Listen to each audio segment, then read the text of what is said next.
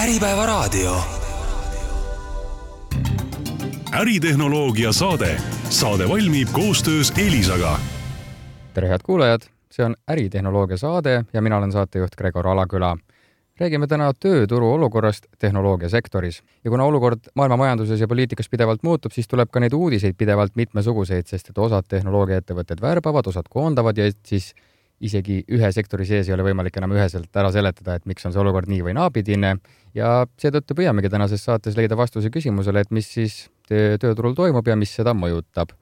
räägime nii värbamisest kui ka palgarallist tehnoloogiasektoris ja vaatleme siis tänast tööturu seisu Eesti IKT ettevõtete ja IT-inimeste ehk siis töötajate vaatepunktist ja uurime ka, et siis kuidas töötajaid hoida, millised motivatsioonipaketid töötavad, keda ja mil moel värvata ja millistes ettevõtetes soovivad siis IT-inimesed töötada. stuudios on kaks külalist, tere tulemast, Elisa Eesti talendijuht Keisi Margus. tere päevast! ja siin on ka Elisa IT ja TV-teenuste arenduse valdkonnajuht Joosep Põllumäe, tervist! tervist! kuna kõik targad otsused peaks põhinema andmetel, siis selleks, et aru saada, mis olukord siis tehnoloogiasektori tööturul ja on, lasigi Elisa Kantar Emoril tööturgu analüüsida. kuidas see välja nägi ja mis siis välja tuli? ja tegemist on siis sellise regulaarse Kantar Emori uuringuga, kus iga kahe aasta tagant uuritakse ka IKT tööandjate mainesse sisse, sealhulgas siis ka sellesse, et mida, mida tööandjad, tööandjatelt oodatakse millised on need hüved ja, ja samamoodi ka lojaalsuse küsimus on, on seal väga-väga olulisel kohal. ja sel aastal nüüd üsna hiljuti oligi täpselt see õnnelik aeg, kus ka Elisa sai, sai need IKT tulemused kätte, ehk siis natukene niisuguse sellise põhjalikuma sissevaate sellesse, mis toimub äh, IKT tööturul. mis teid üllatas? ütleme, et äh, võib-olla üks asi, mis sealt välja tuli, et ma ei saaks öelda, et kas see on nüüd selline tohutu üllatusmoment, küll aga see, et näiteks äh, palganumber ei, ei ole siis äh, otseses seoses lojaalsusega, et selles mõttes, et kui on tohutult, ma ei tea, kõrge palganumber, et siis on inimesed palju lojaalsemad, et see oli võib-olla selline huvitav koht, mis sealt välja tuli. ja, ja ka ütleme, selline teada-tuntud tõde, et arendajad ei ole nii avatud tööturul, ütleme, töökohavahetuse mõtlemisele, et see on ka täna see väljakutse, millega me ise silmitsi seisame Elisa on ka ise eh, läbi viinud uuringu IT-töötajate ootustest siis tööandjale, kas sealt on midagi veel huvitavat või teistsugust välja tulnud? Ja tegelikult siis ütleme, et meil endal, et kuna ma just arendajaid tõin ka välja, siis meil endal regulaarselt käib üks töörühm koos, kes siis üritabki seda arendajate väljakutse muresid lahendada. me teemegi erinevaid katsetusi ja hüpoteese ja selle aasta alguses me viisimegi meile siis soovitud sihtrühma arendajate seas läbi ise uuringu ja, ja viisime läbi süvaintervjuud, et mõista siis seda, mida arendajad päriselt tahavad, et me loeme küll erinevaid artikleid, mis, et noh, mida nad võiksid soovida ja millised on need ootused, aga me tahtsime päriselt äh, just nendelt inimestelt, keda meie enda ettevõttesse tahame aru saada, et äh, mis siis täpselt toimub, kus nad liiguvad, mida tööandjad ka valesti teevad, sealhulgas näiteks värbamisprotsessidel. Ja võib-olla sealt tuligi selline äh, oluline koht ka välja, et pehmed väärtused on tegemas comeback'i, et kui varem võib-olla vaadati rohkem selliseid materiaalsemaid hüvesid, et kes suudab rohkem ja paremini pakkuda, olenemata sellest, et kas nendel tegelikult kasu ka on, et äh, aga täna siis sellist äh, tööandja poolset hoolimist äh, oodatakse võib-olla rohkem, kui me oleksime ise arvanud. et see oli kindlasti selline põnev, põnev koht ja, ja noh, iseenda jaoks saime me teada seda, et sellise IT-tööandja kuvandi kasvatamisel on, on meil veel mõned sammud minna, et jõuda ka selles osas kaugemale. Joosep, teie olete IT ja TV-teenuste arenduse valdkonna juht ehk arendajaid ilmselt teie töös läheb vaja, mõtlete nende palkamisele pidevalt. kui see ei ole palk, mida nad ootavad? Tegelikult arendajad äh, ootavad väga erinevaid asju, tänapäeval kaugtöö on üks põhiline asi, mida, mida kõigepealt küsitakse. ja, ja mul on hea meel öelda, et Elisa on äh, üks väheseid ettevõtteid, keda ma tean, kus, kus päriselt kaugtöö töötab ka, et me siiamaani ei ole kontorisse tagasi läinud sada protsenti ja, ja väga paljud äh, tiimid töötavadki just kodust ja Teamsi vahendusel, et, et see on üks põhiline asi, mida arendajad täna ootavad aga see, nagu Casey rääkis siin pehmetest väärtustest, siis need, kes kontoris käivad, need eeldavad, et kontoris on kõik need pehmed väärtused olemas äh,, äh, kohvi ja, ja, ja muud säärased äh, nii-öelda luksused, mida siis oodatakse. kas vanuseliselt saab ka mingeid järeldusi teha, et need, kes kontoris käivad, on võib-olla siis vanema generatsiooni esindajad ja kodus soovivad töötada pigem nooremad? Neid järeldusi me teha, teha ei saa, et ütleme, et vanuselise ja kogemuse põhjal me saame hüvede osas äh, eri, eru, erisusi näha ja, ja seal ka on erisused sees, aga ütleme, et noh, vanuseliselt sellel, sellel ei ole vahet.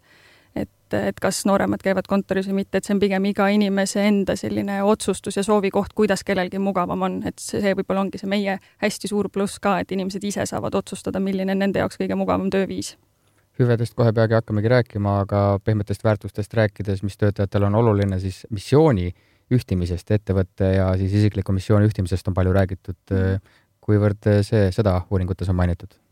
see on ka kindlasti väga oluline juba selles valguses, et noh, mis toodi ka nende meie läbi viidud süvaintervjuudest välja, et selline, ütleme, et töö tähenduslikkus võib-olla on see teema, et ettevõtte missioon ja valdkond peab igatahes huvitama, et kui me räägime IT-ekspertidest, et, et see peab olema põnev, aga mis on ka esile siin rohkem kerkinud, on just kogu see, et töö peab looma mingit tähendust ja, ja pakkumagi huvi, et see on kindlasti antud valdkonnas oluline teema.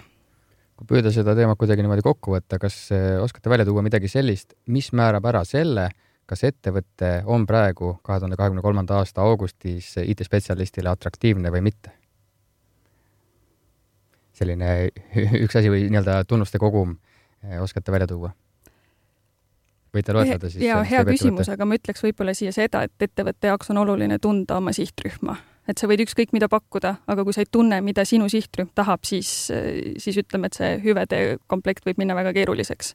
et natukene teistmoodi vastus, mitte kindlat asja välja öelda isegi. aga kuna me räägime ikkagi kõige nõutumast sihtgrupist, IT-töötajatest ja arendajatest, spetsialistidest, kuidas on nende ootused muutunud eh, seoses värbamisprotsessiga, et kuna nõudlus nende vastu on suur, kõik ettevõtted nende nimel võitlevad ja konkureerivad, siis ilmselt see protsess peab olema hästi kiire kindlasti. Äh, ma ütleks, et kiirus on igal pool oluline, mitte siis ainult, äh, ainult nende IT-ekspertide seas.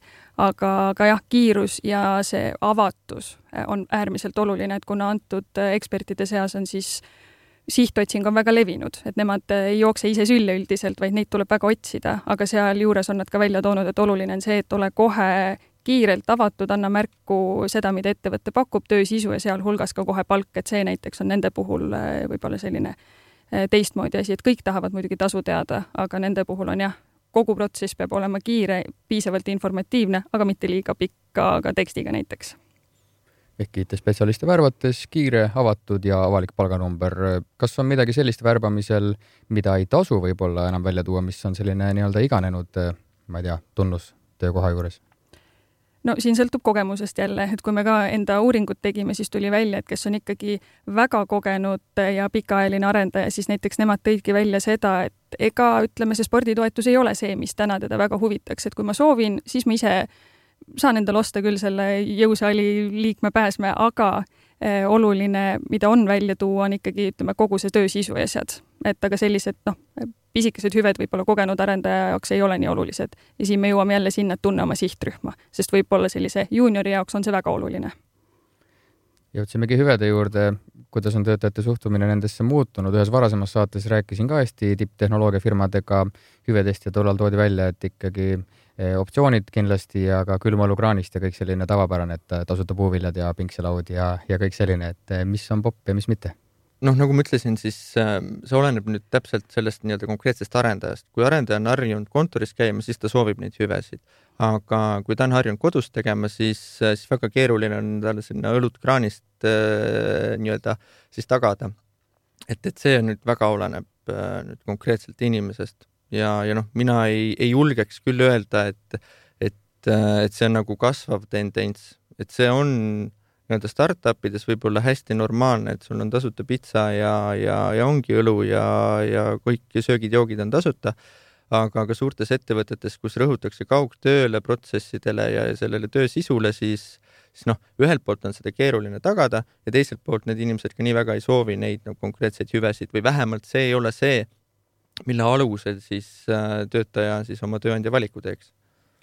ehk mm -hmm. selline äh, Mm, hüvede väärtus äh, on, tähendus on nagu vähenenud, et rahanumber ei loe, ma saan aru, ja võib-olla sellised tavapärased hüved ka mitte, et oleneb sihtgrupist. Äh, aga sai mainitud juba, et optsioonid on siis nende tähtsus vähenenud või on nad sellise tehnoloogiafirma puhul selline must have asi? See on tulnud rohkem välja startup idest, et kui me ka uuringut tegime, siis täpselt sama oli, et see, see ootus on pigem startup idele, et mitte sellistele suurematele ettevõtetele. et ma igaks juhuks ütlen ka, et, et kui siin tuli korra käis läbi, et raha pole oluline, kindlasti on. et, et see, see on üks oluline asi, aga pigem jah, me näemegi nende hüvede osas, et võib-olla ka meile selliseks huvitavaks infoks, et need sellised nii-öelda materiaalsed asjad rohkem vähenevad, aga ongi, et need pehmed tulevad esile. milliseid hüvesid töötajad ise siis töövestlustel küsivad? No Elisa puhul on väga tavaline ikkagi see, et kas see kaugtöö on, noh, kas see on päriselt nii, nagu me kuskilt meediast loeme ja, ja vaatamata sellele, et me oleme seda teinud äh, päris pikalt, siis see on jätkuvalt äh, populaarne küsimus, et see on täpselt nagu ka Joosep ütles, et tegelikult see ei ole turul veel nii tavaline sellises mahus seda teha, nagu meie seda teeme. mis see maht on siis?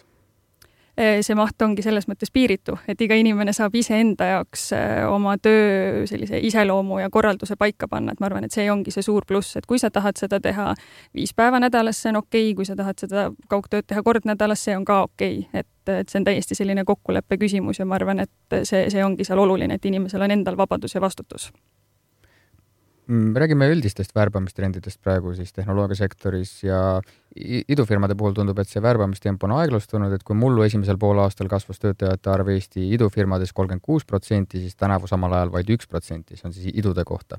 ja ituudised.ee on kirjutanud, et suurim muutus on Eesti IKT-sektori tööturul toimunud just rahvusvahelises värbamises et äh, kus siis võrreldes eelmiste aastatega on kasv olnud kolmkümmend protsenti, et siinsed ettevõtted siis palkavad enim just välistööjõudu. kuidas teie neid trende näete? on äh, trend rohkem välismaalt äh, värbamise suunas? Noh, me võime siin öelda, et meie võib-olla eristume veel sellega, et me oleme täna oma värbamistes äh, Eesti turul, ehk siis me küll ütleme meediast ja kõigest näeme seda, et see rahvusvahelisel turul aina enam äh, läheb liikvele, noh, see on tingitud ju paljustki ka sellest, et meie, meile sobivad sihtrühma võib-olla talendid hakkavad mingil hetkel riigi piirest otsa saama, et see on täiesti loomulik äh, areng, et liigutakse ka siis piiride taha. milliseid trende võib-olla veel kohalikult turult siis välja toote värbamise osas? Ja üks asi, mida on sellel aastal, kes vähegi siis värbamismaastikul tegutseb, on näha seda, et hästi palju on hakatud kasutama iseenda inimesi. et kogu see värbamisviiside lähenemised kommunikatsiooni poole pealt on muutunud rohkem inimkesksemaks. et et ükskõik milliseid ettevõtteid nende sotsiaalmeedia reklaamegi vaadata, siis väga palju on, on just hakanud silma see, et kasutataksegi eh, enda inimesi, et sellega meelitada rohkem inimesi juurde. selline persoonibrändi tuntuse arendamine. just mm. -hmm. Joosep, midagi lisada? jah, ega ma olen sada protsenti nõus, et äh, kõik, kes tulevad tööle, tahavad juba ennem näha, kuhu nad siirdumas on, et mis inimesed seal on, millega tegeletakse ja, ja, ja noh, see emotsionaalne osa tegelikult ju, ju kandideerimisel on väga suure, suure määravusega, sest, sest sa ju ei tea ette, mis see töösisu täpselt on, et see nii-öelda kõhutunne on väga oluline ja, ja selle nimel näevad kõik tööandjad siis vaevad seda siis õiget kõhutunnet tekitada inimestele. kuna, kui vähemalt teie puhul siis suur osa see on kaugtööl, et siis võib-olla ei olegi niivõrd oluline enam see, mis toimub kontoris ja selline töökeskkonna osa, et oluline ongi rohkem, rohkem see töö sisu osa. just, ja sellele me tegelikult ka väga palju rõhume, et, et selleks, et efektiivselt kaugtööd teha, selleks peavad päriselt protsessid paigas olema ja see, mis on siis see mõõdetav sinu töö osas, see peab olema hästi selge ja, ja see ongi tegelikult kaugtöö alus ja võib-olla on see ka põhiline põhjus, miks väga paljudel ettevõtetel ebaõnnestub siis kaugtöö tegemine. et on väga keeruline mõõta, millal siis inimene on produktiivne ja millal mitte, et see on meil hästi paigas. kuidas te seda mõõdate äh,? noh, põhimõtteliselt kui nüüd nagu väga-väga high level rääkides, Elisa tulemused põhinevad kõik mõõdikutel meil on väga palju mõõdikuid äh, terve ettevõtte tasemel ja, ja nii ka tehnoloogiaüksuses, et meil on väga palju kvaliteedimõõdikuid, meil on väga palju tulemusmõõdikuid ehk siis kiirus, kvaliteet ja äh, on nagu põhilised, mida me mõõdame. ja, ja protsessid tegelikult on see, mis need asjad nagu paika panevad, et, et äh, kui me arendusmetoodikasse läheme, siis agiilne arendusprotsess on see, mida me viljeleme ja oleme väga pikki aastaid juba viljelenud. Et sellest võiks rääkida tegelikult tunde, et see on nagu põhiline, mida me teeme seal. ma lisan võib-olla selle ka mõõdikute osas juurde, et mida varem on ka küsitud, et kas te mõõdate eraldi ka kaugtöö tegijaid, siis ma ütlen kohe ära, et neile meil eristavaid mõõdikuid ei ole, et, et ikkagi on ühtsed, olenemata sellest, kas sa oled kontoris või sa oled kodus. ei loe see, kui kaua on vestlusaken kellelgi lahti. just hästi, aga üks mõõdikutest, millega tööd mõõta, on ikkagi tihti see palganumber, räägime sellest, et kuna tehnoloogia ja selles sisalduv ka idusektor on see, kus see keskmine palk on teistest valdkondadest tihti mitmekordselt kõrgem, siis see tase sõltub tihti rohkem sellistest raha kaasamistsüklitest, rohkem kui võib-olla mingist majanduskeskkonnast. kuidas teie näete praegust olukorda, kas palgaralli tehnoloogiasektoris on läbi või kestab veel? no mina ütleks, et ralli on läbi, aga maraton jätkub. just, ja, ja inertsist ta kestab kindlasti veel edasi, sellepärast et noh, kõik kust see palgasurve tuleb, kõik vaatavad, et äh, okei okay,, et nüüd äh, keskmine palk on nii palju ja nii palju protsenti tõusnud, avaldavad tööandjale survet ja, ja nii ta nagu tegelikult inertsist kestab veel. aga noh, kurb fakt on see, et tegelikult raha on nii palju kallimaks läinud ja see raha saab ka tööandjatel mingi hetk nüüd otsa ja ja, ja noh, tegelikult ralli on läbi, aga hoog on veel üleval, et, et see hoog hakkab raugema ilmselt üsna, üsna pea. kas teie hinnangul IT-sektor ongi see, kes viib meie inflatsiooni üles? Oma kõrgete palkadega? no ilmselt ma päris nii ei ütleks minul isiklikult ka puudub sellealane haridus, nii et ma sellistel, selliste, selliseid statement'e ei teeks. hästi, aga kuna IKT sektoris on see palk Eestis teistes valdkondades kõrgem, siis eh, kuidas eh, värvata, millele veel rõhuda? Eh, noh, me teame, millele meie rõhume selles suhtes see on töö sisu äh, ja, ja see keskkond, äh, kus ollakse, et äh, noh, mida nagu Elisa puhul välja tuua nagu töö sisu kontekstis, me oleme hästi palju töö sisust rääkinud, aga mis see siis konkreetselt on? et kui me võtame Elisa IT-ettevõttena, siis nii-öelda, kus on siis üle kahesaja inimese tehnoloogiaüksuses, millega meie tegeleme versus tavalise IT-ettevõttena või millega tavalised IT-ettevõtted tegelevad, siis on väga suur erinevus on selles, et tavalised IT-ettevõtted teevad üldiselt kellelegi kliendile seda tööd, kes on majast väljas ja, ja projektipõhiselt. Elises me arendame oma toodet ja, ja see klient, kellele me arendame, majas sees. ehk siis äritellija nii-öelda, kes ütleb, mida me arendama peame, majas sees ja me arendame seda siis nii-öelda omakorda Elisa klientidele, et, et see töö sisu on nagu äh, täiesti erinev võrreldes sellega, mis tava IT-ettevõtted teevad ja, ja tänu sellele on ka võib-olla Elisa oluliselt stabiilsem ettevõte. et me ei sõltu välistest klientidest, vaid me sõltume siis sellest, mida me ise teeme. ja see on hästi oluline detail, mida ma olen alati ka kõigile inimestele rääkinud, kes meile kandideerivad, et me teeme oma toodet ja me ise otsustame, kuidas me seda arendame ja, ja milliste tehnoloogiatega me seda arendame ja, ja kui kiiresti ja millised prioriteedid seal siis selle toote sees on, et see on väga suur erinevus. kas sellisel on plaanis ka kasu lõigata sellest, et paljud tehnoloogiafirmad eh, koondavad töötajaid ja arendajaid? ma arvan, et Elisa ei ole ainuke. et ja ma arvan, et see ei ole ka halb asi, et kui, kui keegi on kaotanud oma töö ja meil on võimalus neile pakkuda eh, mingisuguseid uusi ägedaid väljakutseid, siis pigem, pigem see on hea asi ja kindlasti Elisa hoiab ka nendel inimestel äh, silma peal, et pigem on see selline abikäe ulatamine raskel ajal. ehk pigem võiks öelda, et praegu on arendajate ja IT-spetsialistide värbamiseks hea aeg? ta on okei okay aeg, ma, ma arvan, et siin juba kõik need igasugused aastad, olenemata sellest, et on tööturu, turg olnud väljakutseline, siis äh, arendajate, kogenud arendajate leidmiseks ei ole kunagi ilmselt liiga hea aeg, et nende leidmine ja otsingud jäävad alati väljakutseliseks, et täpselt seesama, mis tuli ka nendest erinevatest uuringutest välja, et nad ei ole väga avatud äh, uutele väljakutsetele. et jagada kuulajatele kogemusi ja nippe, siis mis taktikaga teie neid arendajaid püüdma lähete turule? Siin ma arvan, et me jõuame sinna ka, et mis, mis Joosep välja tõi, et me, me teame täpselt, millist väärtust me oma, oma inimestele pakume. ja teine asi on ka see, et me oleme väga selgelt paika pannud, keda me otsime ja mis on nende inimeste ootused. ja täpselt selliselt me neid püüdma lähemegi, et, et ütleme, et iga tegevus, mis me siis nende otsimiseks tegema hakkame, on, on läbimõeldud saate äkki tuua mingeid näiteid sellest praktikast, et mille jaoks teil näiteks hetkel neid arendajaid vaja läheb ja mis see töö sisu siis võiks olla? Siin vist äh, Joosep on hea rääkima detailis, et mis meie TV-arendus tegema hakkab. ja väga hea, et sa küsisid, just eelmisel nädalal, kusjuures me alustasime päris suure kampaaniaga, noh, ma olen Elisas töötanud neliteist aastat äh, nüüd tänaseks ja, ja nii suurt äh, nii-öelda kampaaniat, kus me korraga mingi konkreetse asja jaoks otsime inimesi, mina ei mäletagi. aga praegu tegelikult me oleme otsimas siis kahteteist IT-spetsialisti kellest, kellest kolm profiili on arendajate profiilid ja lisaks sinna ka analüütik, projektijuhti ja ja, ja ka nii-öelda QA-d või quality assurance inimest et kaksteist erinevat ametikohta on meil pakkuda ja, ja see põhjus, miks me neid otsime, on see, et äh, me toome oma TV-arenduse sada protsenti majja sisse. et kes on kokku puutunud Elisa elamuse platvormiga, siis teab, et seal on äh, kuus või seitse erinevat äh, siis tehnilist platvormi, oleneb, kuidas siis lugeda ja, ja iga selle tehnilise platvormi jaoks on eraldi äpp arendatud ja, ja enamus nendest äppidest on meil täna veel partneri käes, ehk siis meil arendab neid äppe välispartner ja me toome selle arenduse majja sisse. et ja nende jaoks me otsimegi äh, siis kahteteist äh, IT-spetsialisti. et moodustame kaks eraldi tiimi.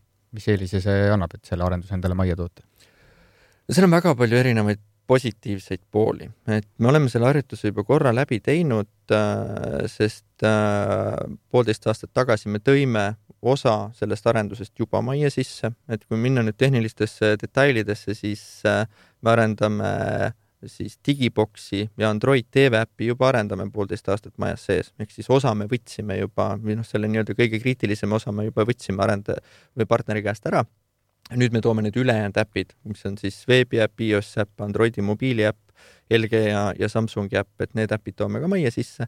Ja see eelis on selles, et majas sees äh, noh, ma ei tahaks siin nagu mingit keele aspekti nagu välja tuua ja, ja mingisugust kauguse aspekti, sest tegemist on välispartneriga, aga kui on sul oma inimestega oma asja arendamine, siis see sünergia, mis sellest are-, nii-öelda protsessist tekib, on, on oluliselt parem kui see, kus sa pead nii-öelda majast välja kõike seda tööd nagu edasi andma.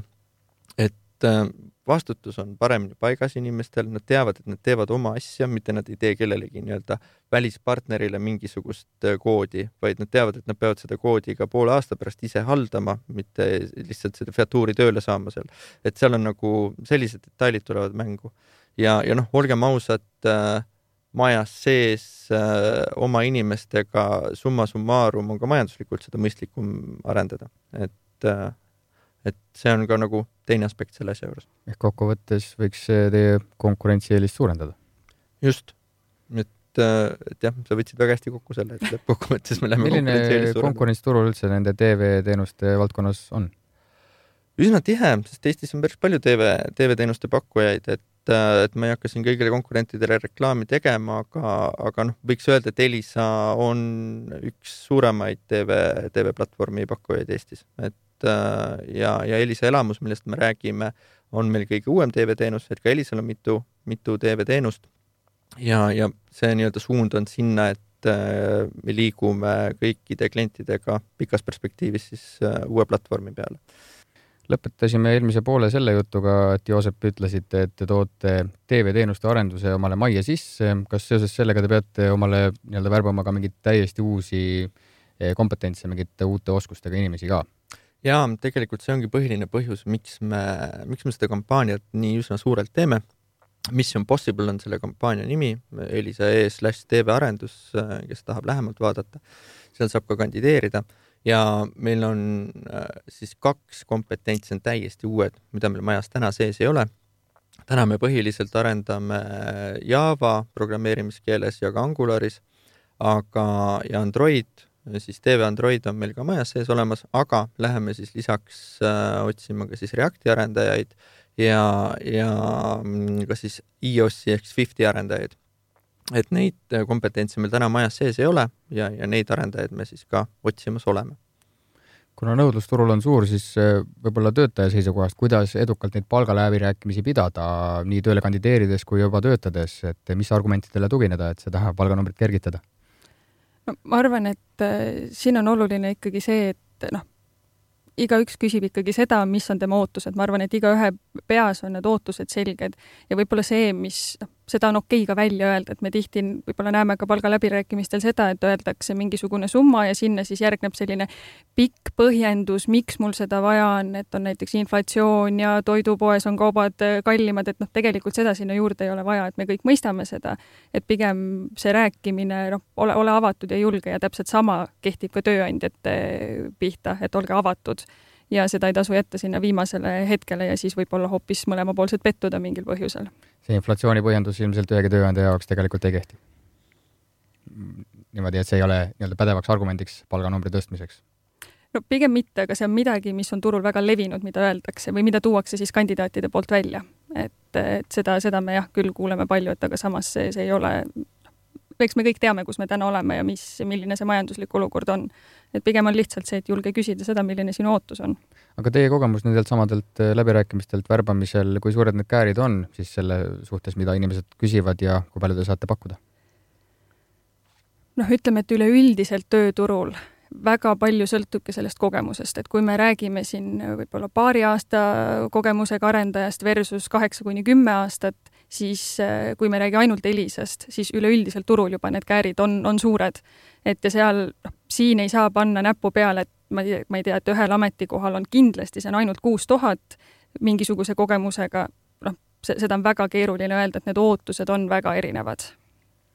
kuivõrd võib praegu palk erineda samal ametikohal siis erinevates ettevõtetes, et arendaja ühes ettevõttes ja arendaja Elisas? no ta võib erineda nagu ma just ütlesin ka, et see, see erisus turul võib olla, aga noh, loodame, et ühes ettevõttes sees liiga palju ei erine. ütleme, et siis sama kogemusega samal ametikohal töötavate inimeste seas. aga nii-öelda kui palju on neid äh, vabu spetsialiste turul olemas? Äh, aasta eest räägiti, et turg on töötajate poole kaldu, kuidas täna on? Eh, sõltub valdkonnast. kui me räägime ikkagi nendest kogenud IT-ekspertidest, siis ma ütleks, et see turg on jätkuvalt sinnapoole. et kui me tõime ka välja need arendajad näiteks, et siis, siis seal ei ole muutusi toimunud, et kui me räägime võib-olla siis müügist või teenindusest, siis eh, seal tööturg ikkagi sügisega toob päris palju uuendusi kaasa, et, et pigem siis ütleme, et ka töötuse määr on, on kasvamas aga jah, siin me ei räägi siis kindlasti nendest IT-ekspertidest. ehk praegu arendajad saavad veel dikteerida mingeid tingimusi ja öelda ikkagi sõna sekka selle palganumbri osas, kuigi palju?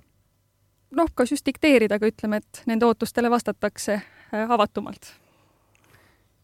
kui populaarne või kui oluline on praegu mõelda sellele, et töötajaid konkurentide juurest üle osta? Elisa ei ole kunagi praktiseerinud üleostmist, selles mõttes, et me ikkagi räägime, mida meil pakkuda on, kui me saame palga, noh, töötaja küsib mingisuguse konkreetse numbri ja me suudame seda võimaldada, siis, siis me lööme käed, me ei ole kunagi kellegi juurde läinud, et et kui palju sa praegu palka saad, me maksame poolteist korda rohkem, tule siia. et sellist praktikat ei ole me kunagi viljelenud ja, ja ma loodan väga, et ei hakka ka viljelema kuidas on veel Eesti ettevõtete värbamiskäitumine viimasel ajal muutunud, oskate tuua mingeid trende välja? ma arvan, et ega põhiline ongi see inimlikkuse suund, et kui enne siin käis ka jutt, et sellest õigest kõhutundest, siis mulle tundub, et kogu värbamistegevustes üritada, üritatakse siis seda kõhutunnet nüüd ka visualiseerida kuidagi, et, et see võib-olla on selline, selline põhiline, et kogu see inimlikkuse viis ja, ja hoolimine on see, mis on tulnud võib-olla üllatusena tagasi, et äh, töötajad ikkagi ootavad, et nendest hoolitakse, et olenemata sellest, kas sa oled kontoris või sa oled kodus. kuivõrd ootavad äh, töötajad äh, võimalust töötada osakoormusega? on see mingi trend? Kindlasti on see kasvav trend, et kui me räägime ka üleüldiselt võib-olla sellisest projektipõhisest töötamist, töötamisest, et ma arvan, et siin Eestis küll mitte nüüd kohe, aga mõne aja pärast kindlasti jõuab see veel rohkem massidesse, et võib-olla mõni inimene töötabki kolme tööandja juures korraga, et, et ma arvan, et noored kasvatavad seda ootust aina enam. palju on teil osakoormusega töötajaid, palju täiskohaga? ma arvan, et osakoormusega on pigem vähe, äh, üksikud, aga, aga see nõudlus tekib vastavalt vajadusele. noh, sügisel tekib seda vajadust nagu rohkem, sellepärast et siis on ilmselgelt koolid tulemas, väga paljud arendajad ju tegelikult alles õpivad arendajaks, sest noh, olukord on lihtsalt selline, et veel haridust ei ole, aga juba töötatakse äh, antud ametikohal ja teine vajadus on, kuna meil on üsna palju naistöötajaid, siis äh, ka lapsehoolduspuhkuselt tullakse päris tihti varem tagasi, et osakoormusega. et, et see on üsna, üsna levinud. tehnoloogiasektoris on tihti selline tendents ka, et äh, ühel ametikohal töötatakse võrdlemisi lühikest aega. võib-olla kahe aasta, kaks aastat ettevõttes töötanud inimene on juba veteran. kuivõrd suur kaadrivoolavus on Elisas? Meie, ütleme siis tehnoloogiaüksuses on see õnneks äh, väike, et äh, pigem me näeme seda, et võib-olla noh, rohkem noorte seas on levinud see, et me oleme rohkem lühikest aega ollakse ühel, ühel ametikohal ja nagu sa ütlesid ka, et siis kaks aastat on juba see, kes tegelikult on väga kogenud ekspert tänasel turul. et aga ma arvan, et see on ka üks nendest asjadest, millega tööandjad äh, lihtsalt peavad täna kaasas käima ja, ja vastavalt ka oma protsessid selliselt seadma, et see nii-öelda kaks aastat ühes ettevõttes on okei okay ja ei oodata seda kümmet. Jah, ja, kaadri voolavusest rääkides, siis äh, kõige suurem on see just juuniorite osas, sest äh, me oleme väga palju ajalooliselt juba võtnud endale juunioreid, kellel ei ole väga palju arenduskogemust ja oleme võtnud siis äh, noh, mitte vaevaks, vaid, vaid võtnudki missiooni nad välja koolitada. kuna meil on protsessid paigas, arendajaid on üsna palju, siis meil on võimalus tegelikult ka, ka juuniorid välja koolitada ja, ja seal on see ohukoht, et äh, kui, kui see juunior on nii-öelda mid-levelile saanud kahe aastaga, siis tuleb mõnisugune, mingisugune startup ja ostab ta üle. et, äh, et seda on juhtunud ajaloos, aga õnneks mitte liiga palju. et, et kui meie ise ei osta teistelt üle, siis meilt ostetakse küll päris tihti üle ja, ja, ja noored on ka nii-öelda aplamalt liikuma. on see paratamatus või on teil mingi taktika ka selleks, et neid siis enda juures nii-öelda kinni hoida?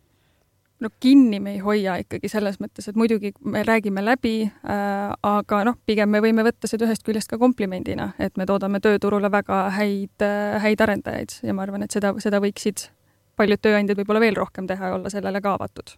ja on ka näiteid, kus needsamad noored tulevad tagasi mõne aasta Just. pärast meile, et äh, kui nad on läinud, äh, kuidas mujal tööd tehakse kuna me siin hüvedest ja trendidest värbamisel Elisa näitel räägime, siis üks eh, teema, mis on palju furoori ja kõmu tekitanud, on siis see neljapäevase töönädala katseprojekt. ma saan aru, et see ei toimi mitte kogu ettevõttes, kuna praegu on augusti viimane nädal käimas, siis peagi hakkab see lõppema, saan ma õigesti aru?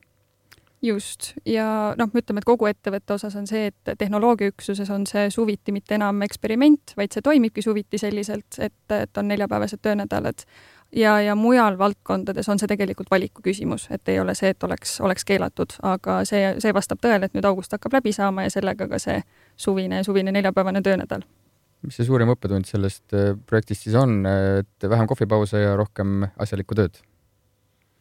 just, et äh, noh, ikka põhimõte neljapäevase töönädala juures on see, et, äh, et see ei ole nagu kohustus, et inimene peab nüüd et, et ongi nüüd reeded vabad. sest tehnoloogiaüksuses on väga tihti, just Elisas eriti, kuna me oleme elutähtsa teenuse pakkuja, siis kui on rike või mingisugune tehniline probleem, siis pole vahet, kas on reede, laupäev või pühapäev, spetsialistid ärkavad ka keset ööd üles ja lahendavad selle probleemi ära.